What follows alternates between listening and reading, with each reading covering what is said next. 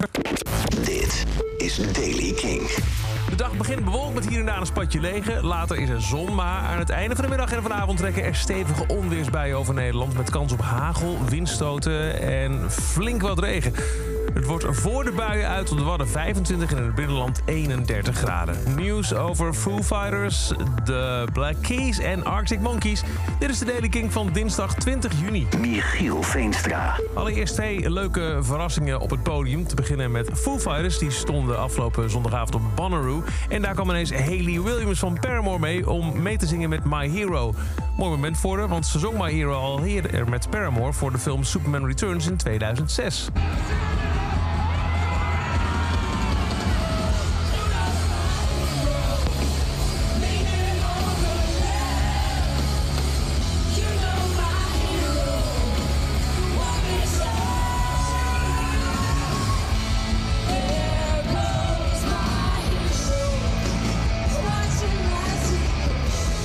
Met een klein beetje hulp van het publiek natuurlijk ook. En nog een bijzondere combi.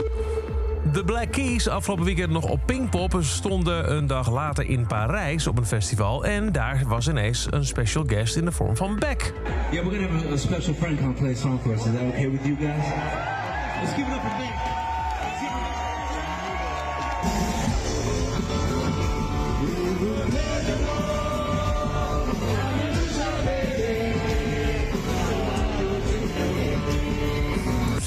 En dan eventjes duimen dat dit goed afloopt. In ieder geval niet voor de fans in Dublin. Arctic Monkeys hebben gisteren bekendgemaakt dat de show die ze vanavond zouden geven in Dublin niet doorgaat.